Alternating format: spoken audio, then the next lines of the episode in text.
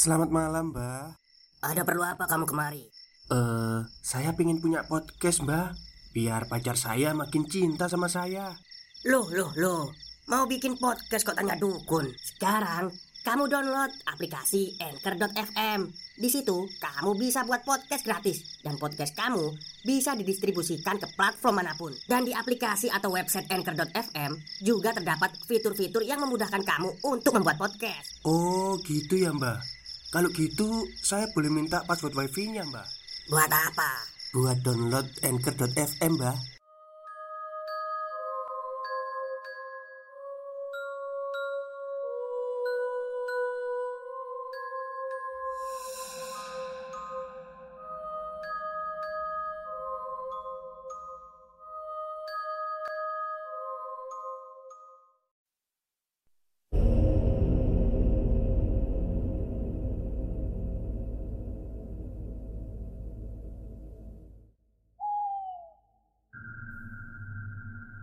Assalamualaikum warahmatullahi wabarakatuh. Halo semuanya Jumpa lagi dengan saya Chow Sing Sing Kurator dari podcast Horror Night Story. Halo apa kabar semuanya? Semoga kalian semua baik-baik saja ya. Dan seperti biasanya pada siang hari ini saya kembali Dan akan menghadirkan sebuah kisah mistis untuk kalian semua. Kisah mistis kali ini saya datangkan dari treat horornya cerita horor nyata yang ada di Twitter.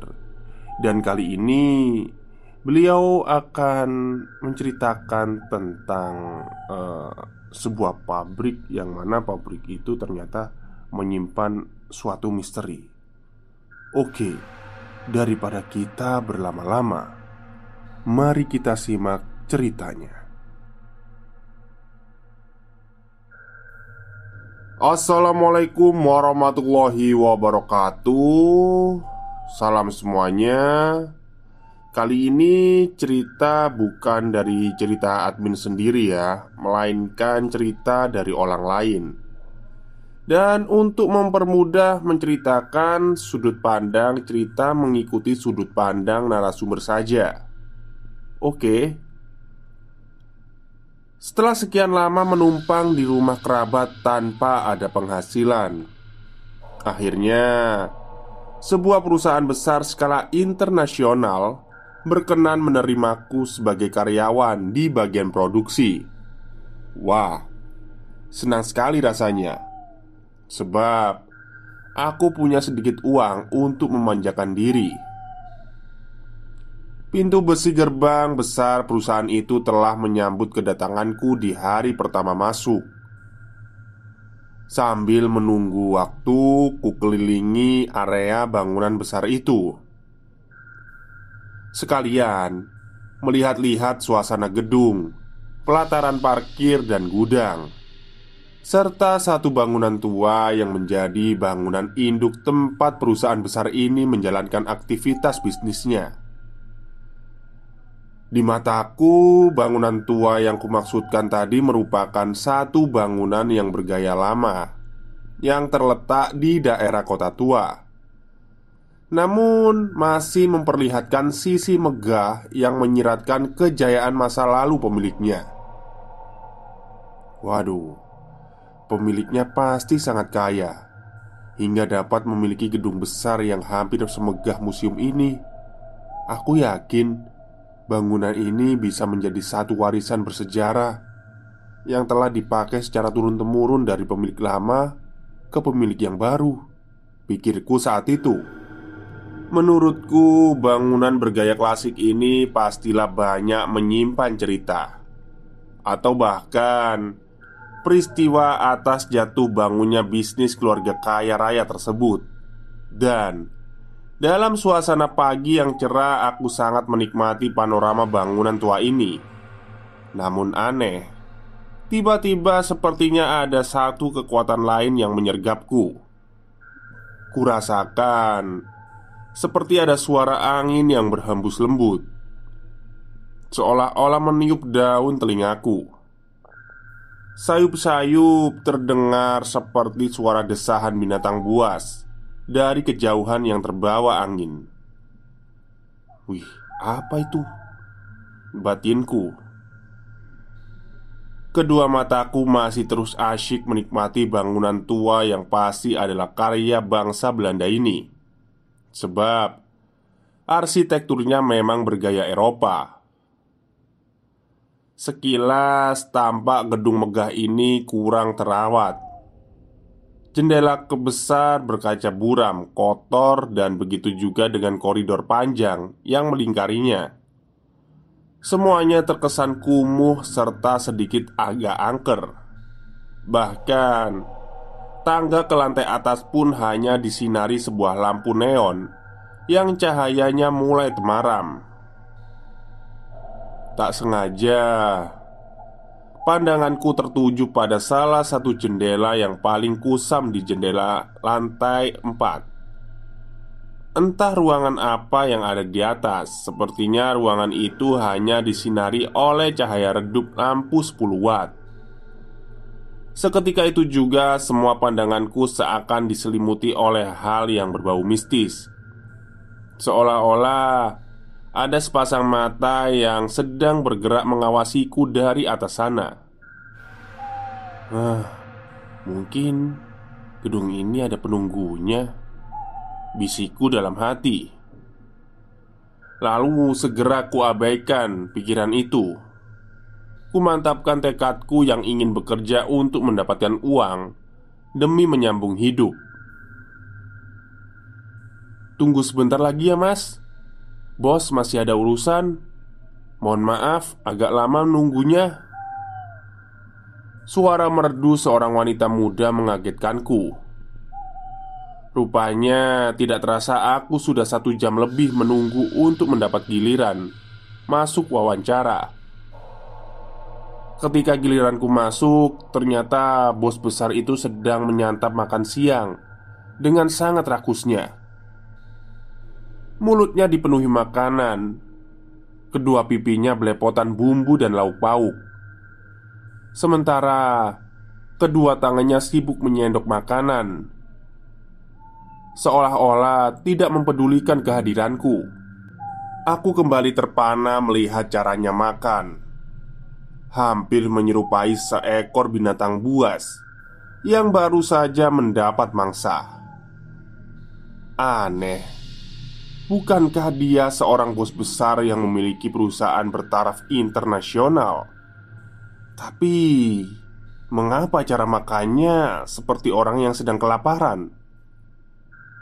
Ayo silakan duduk Katanya menawariku Lamunanku pun terputus Dengan sungkan aku segera duduk di depan meja kerjanya Sambil mencuri-curi pandang Ku coba amati keadaan ruang kerja sing bos Sungguh aneh Ruangan besar itu hampir dipenuhi oleh umbu rampe Atau sesajen yang sudah kering.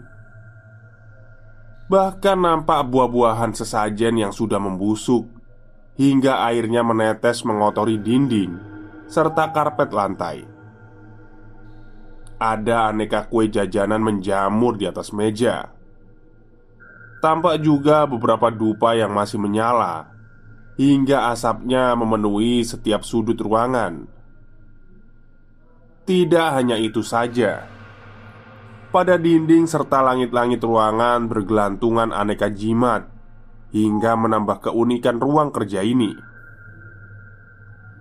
Kembali aku dibuat semakin takjub Manakala pandanganku mengarah pada sebuah patung besar setinggi hampir 2 meter Yang dikelilingi banyak sesajen. Patung ini berdiri tegak di sudut ruangan yang agak gelap. Aneh Siapa sih laki-laki ini? Saat bertanya jawab denganku ternyata si bos ini memiliki bentuk wajah yang agak aneh Matanya menyerupai mata iblis seperti di film-film animasi.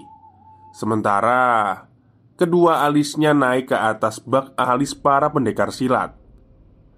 Saat tersenyum pun dia lebih mirip menyeringai daripada senyuman. Sembari memperlihatkan deretan giginya yang kotor serta tidak terawat itu. Bahkan masih dipenuhi sisa-sisa makanan. Sekalipun sangat aneh dan mengganggu pikiranku, namun aku terpaksa harus mengabaikan semua ini. Ya, semuanya demi mendapatkan sebuah kerjaan. Sehingga cerita, aku memang diterima bekerja di kantor itu. Setelah beberapa lama bekerja, baru kusadari kalau aku sebenarnya cuma jadi umpan kawan-kawan sekantor yang enggan lembur pada setiap Kamis malam atau malam Jumat. Waduh, ada apa sebenarnya ini? Hati-hati dengan yang ada di lantai empat Bisik Larno Salah seorang teman kerjaku Aneh Peringatan ini bukan hanya datang dari Larno Bahkan Pak Isyak Penjaga malam di gedung ini juga telah memperingatkanku agar tidak mencoba-coba naik ke lantai empat sendirian apabila hari telah gelap. "Kamu pasti celaka, Nak." Tegasnya ketika aku meminta alasan larangan itu. Saya saja yang sudah 18 tahun bekerja di sini tidak berani pergi ke lantai empat sendirian. Terlebih lagi saat malam datang. Mulanya, aku tak serius menanggapi cerita-cerita itu. Hingga suatu malam, terjadilah peristiwa itu. Malam itu jarum jam telah menunjukkan pukul 19.30 Hampir seluruh ruangan telah kosong Suasana mendadak senyap Bahkan kemudian berganti angker di luar sana angin berhembus kencang disertai deru hujan. Sendirian aku duduk terpaku di meja kerja Ditemani dengan setumpuk tugas yang belum rampung. Aneh. Tiba-tiba pikiranku melayang Ke ruang sepi di lantai empat. Kulirik ruang sepi yang bersinar redup tadi Sepertinya dari arah sana akan memunculkan satu bayangan. Bahkan mungkin sesuatu yang lebih mengerikan. Aneh. Tiba-tiba Sekelebat bayangan wanita tua melintas. Aku segera bangkit mengejarnya. Ku coba berjalan menuju munculnya bayangan itu Tapi tak kutemukan siapa-siapa. Aku yakin telah melihat bayangan seorang nenek-nenek.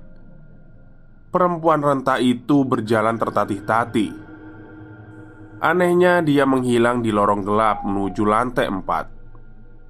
Siapa wanita itu? Bukannya merasa takut, kejadian ini justru membuatku semakin penasaran. Segera saja ku telusuri lorong sepi yang terbentang panjang di depanku. Sambil berharap sosok nenek itu muncul lagi Anehnya Tiba-tiba terdengar suara perempuan yang sedang bercakap-cakap Di ujung koridor gelap ini Siapa gerangan? Apa mungkin masih ada seorang staf wanita? Ketika aku dalam kebingungan Jantungku nyaris copot sebab tiba-tiba ada sebuah tangan yang merengkuh bahuku. Ketika aku menoleh, di hadapanku telah berdiri seorang wanita muda. Dia tersenyum dingin sambil menyodorkan segenggam kertas. "Mencari siapa, Mas?" tanyanya datar, disertai raut wajah dingin tanpa ekspresi. Aku diam tergugu. Wanita itu kembali berkata, Tolong fotokopikan semua dokumen ini, bisa kan? Oh, oh bisa kok Jawab gue pendek Bulu kuduku meremang Dalam hati aku bertanya Perempuan ini staf di bagian apa ya? Kok aku belum pernah melihatnya? Ini dokumen penting Tidak semua orang bisa tahu Katanya lagi Sambil berusaha menenangkan diri, aku menyaut, "Wah, Kalau begitu saya jadi tahu dong mbak. Kan saya yang bantu fotokopinya. Ini cuma daftar nama orang yang disuruh berkorban di sini. Sekalipun mereka menolak Ah kasihan sekali mereka Katanya lagi. Berkorban? Maksudnya untuk apa? Tanyaku penasaran Sembari terus membolak-balik dokumen itu Darah mereka Jawabnya dengan suara yang agak tertahan. Aku kaget bukan kemalang Seketika pandanganku berubah gelap Dan ketika terang kembali Kulihat dia sudah menghilang. Lalu samar-samar terdengar suara alunan pendek perempuan Menyanyi dari arah lorong sepi ini Segera ku ambil langkah seribu. Setelah lebih dulu melemparkan kertas Yang disebut dokumen rahasia tadi Ku banting pintu dengan kencang. Aku lalu terduduk di depan meja kerjaku Sambil mengatur nafas yang memburu tak karuan. Gara-gara peristiwa ganjil itu Rasa penasaranku semakin bertambah. Apalagi Pagi setelah malamnya Aku bertemu dengan sosok perempuan misterius itu. Ternyata ada karyawan yang meninggal. Apa ini ada hubungannya Dengan statement perempuan misterius itu? Belakangan Aku memang melihat ada kejanggalan. Bila dihitung hampir setiap minggu Satu persatu rekan kerja atau sanak saudara mereka ada saja yang meninggal. Menurut beberapa pegawai kantor, setiap yang meninggal raut wajah mereka menyiratkan ada satu hal yang tidak wajar. Kabarnya, wajah jenazah tampak menghitam, punggung, tangan, serta kakinya terdapat memar kebiruan, dan mata mereka terbuka dengan rona wajah mereka seolah habis melihat sesuatu yang amat menakutkan itu. Pernah juga terjadi sebuah peristiwa lucu namun menyeramkan. Stop, stop. Kita break sebentar. Jadi gimana? Kalian pengen punya podcast seperti saya? Jangan pakai dukun, pakai anchor. Download sekarang juga. Gratis. Suatu hari ada salah seorang manajer di kantor ini yang kerasukan roh Seorang perempuan muda. Sang roh mengaku bernama Karisa. Dia telah mati karena dibunuh. Maksudnya Dia mati karena bunuh diri 100 tahun silam. Lucunya sang manajer yang bertubuh tambun dan galak itu Tiba-tiba dapat berjalan sangat gemulai laksana seorang perempuan. Tidak hanya itu saja, suaranya juga berubah lembut menjadi khas wanita muda. Nah, dari celotehan Karisalah cerita yang sebenarnya bergulir, termasuk tentang para korban makhluk di lantai empat.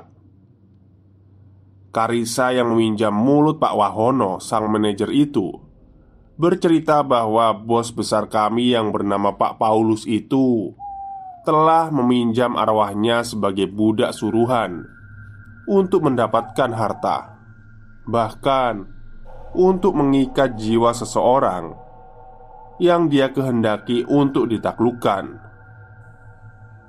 Arwah Kalisa itu juga mengaku bahwa pada hari-hari tertentu dia akan diberi suguhan khusus oleh majikannya. Selain umbur rampe dan dupa wangi, dia juga menghisap sari makanan langsung dari perut Pak Paulus. Syaratnya, Pak Paulus harus memakan tiga jenis makanan kesukaan Karisa dalam jumlah yang amat banyak. Ya, Mungkin inilah yang menyebabkan kenapa Pak Paulus pernah kulihat makan dalam jumlah banyak dan nampak sangat rakus. Aku juga pernah melihat dukun kepercayaan Pak Paulus datang ke lantai 4 untuk mengadakan ritual semalam suntuk. Setelah itu beredarlah cerita dari mulut orang dekatnya bahwa Pak Paulus akan segera memecat beberapa karyawan Sebab menurut sang dukun mereka tidak cocok dan harus dienyahkan. Yang terjadi selanjutnya setelah kedatangan dukun itu Suasana di dalam kantor jadi semakin kacau. Seringkali terjadi keributan di antara staf dan karyawan. Sejumlah peristiwa aneh juga terjadi Mulai staf kerasukan mengalami kecelakaan fatal hingga cacat, bahkan ada yang meninggal. Selain itu, bisnis di perusahaan yang bergerak dalam industri garmen ini menjadi tersendat-sendat.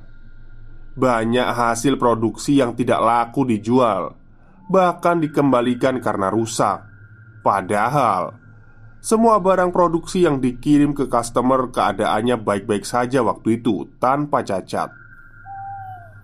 Kondisi semacam ini membuat pikiranku jadi tidak karuan Hingga pada suatu malam Ketika semua staf dan karyawan telah meninggalkan ruang kerjanya masing-masing Tinggallah aku sendiri tercenung di meja kerjaku Ketika aku sedang membereskan dokumen yang masih tercecer Tiba-tiba Ada angin dingin yang menyapu pundakku tidak beberapa lama, samar-samar terdengar suara perempuan yang seolah sedang merapalkan doa. Seketika itu, rasa takut di dalam hatiku muncul. Terlebih lagi, lama-kelamaan suara itu semakin keras terdengar. Meski tidak jelas mantra apa yang sedang dilantunkan, walau begitu, ku coba memberanikan diri bangkit lalu berjalan ke arah datangnya suara itu. Kubuka pintu koridor ke lantai tiga yang kuduga menjadi sumber suara. Seketika tercium semerbak wangi bunga sedap malam serta aroma rokok klobot. Kuhentikan langkah untuk sekedar mengatur nafas sambil menenangkan hatiku yang mulai dihantui rasa takut Hatiku pun mulai kecut bukan main Ketika sadar bahwa Langkah ini telah sampai di trap tangga terakhir Dari sepuluh anak tangga menuju ruangan laknat lantai empat itu. Sementara itu Suara rapalan mantra si perempuan semakin keras terdengar. Diselingi oleh aroma semerbak bunga sedap malam. Kemenyan, serta anjir darah semakin menyengat hidungku. Sejenak aku berdiri terpaku di depan pintu kaca kusam yang membatasi pandanganku ke ruangan bagian dalam. Kaca patri bermotif burung elang membingkai sela pintu ruang laknat penuh misteri ini. Tanganku bergetar, tak sabar ingin membuka pintunya. Kudorong perlahan Suara berderit engselnya seorang genderang perang Yang memukul jantungku Saat aku melangkah tertati dalam suasana temaram. Aku mengenali Gerak-gerik sosok makhluk besar kehitaman di bawah temaram lampu lima watt itu. Kakiku pun terasa lemas. Sungguh Aku benar-benar melihat bagaimana makhluk itu sambil menggenggam terus Menggerogoti mangsanya hingga rakus. Dalam keadaan sangat takut Aku mengenali Ternyata makhluk itu wujudnya separuh serigala, separuh manusia Dia sedang mengoyak-ngoyak sepotong daging merah Dengan kuku hitam tajamnya Pes Tiba-tiba lampu di dalam ruangan itu padam. Aku terkejut, hampir tidak bisa menguasai diri lagi. Bau anyir darah busuk itu sangat menyesakkan dada. Kepalaku pusing, dan suara dengusan serigala besar yang mengeram dengan marah menghentak jantungku. Dalam ruangan gelap itu, Aku tidak dapat berbuat apa-apa selain membalikan badan, menghambur keluar ruangan. Tapi binatang iblis itu tidak tinggal diam.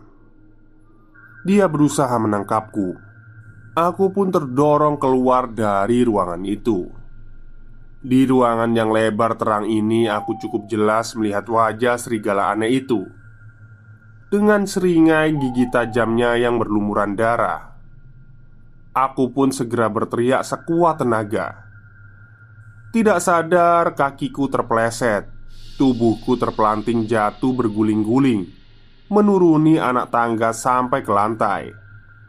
Tak ayal, seluruh sendi di badanku terasa patah. Kepalaku berat bersamaan dengan itu. Di telingaku kembali terngiang suara perempuan membaca mantra tadi. Sambil menahan sakit, aku segera berlari meninggalkan ruangan. Seminggu setelah kejadian itu, suatu siang aku sedang merapikan beberapa barang yang tertumpuk di koridor gelap depan ruangan. Pak Paulus muncul dengan tiba-tiba.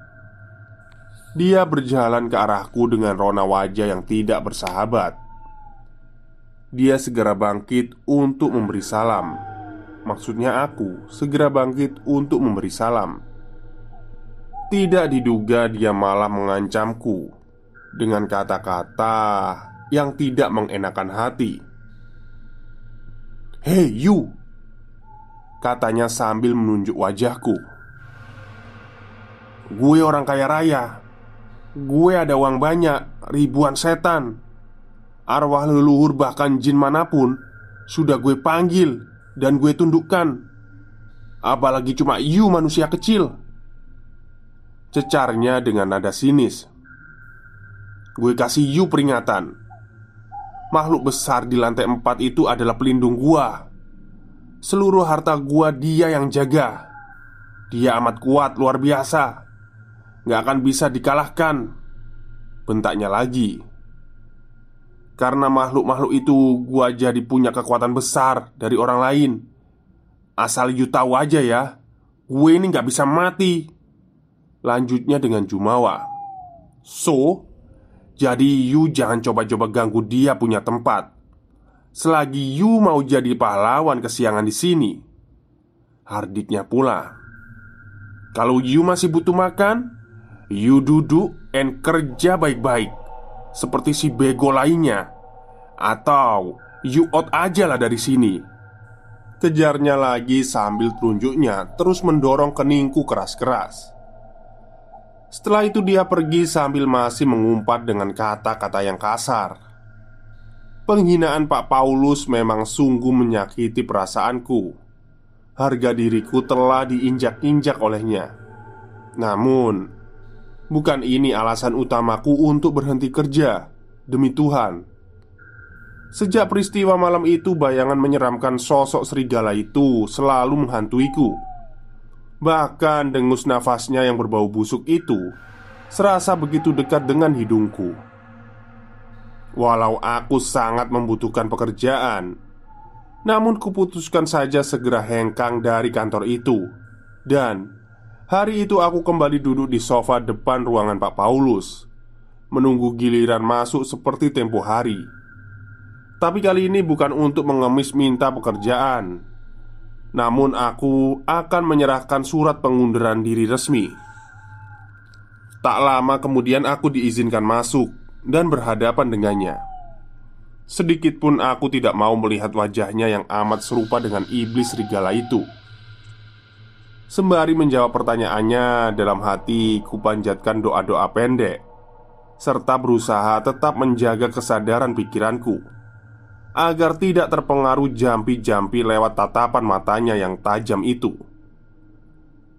Sambil disertai dengan sumpah serapa dari mulut Pak Paulus, aku segera keluar meninggalkan ruangan.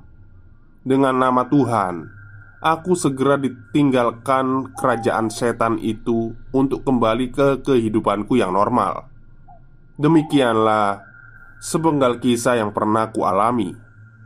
Sejak dua tahun meninggalkan perusahaan itu Tak pernah sekalipun ku dengar kisahnya Entah apa yang terjadi dengan teman-temanku yang masih mencoba bertahan di sana. Kabarnya, perusahaan garmen itu sudah diambang kebangkrutan.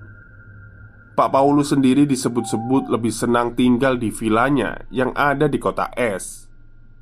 Alhamdulillah, akhirnya selesai juga. Baik, itulah cerita lumayan panjang ya dari uh, treat horornya cerita horor nyata yang ada di Twitter. Jadi rupanya Pak Paulus ini pakai pesugihan ya. Masa sih? Ya bisa dikatakan pesugihan lah ya karena uh, setan-setan inilah yang menyebabkan Pak Paulus kayak kaya gitu ya. Atau mungkin setannya ini uh, jin-jinnya ini memang turun temurun dari nenek kakeknya gitu terus diturunkan di Pak Paulus gitu. Oke, mungkin itu saja cerita pada siang hari ini. Kurang lebihnya saya minta maaf. Wassalamualaikum warahmatullahi wabarakatuh.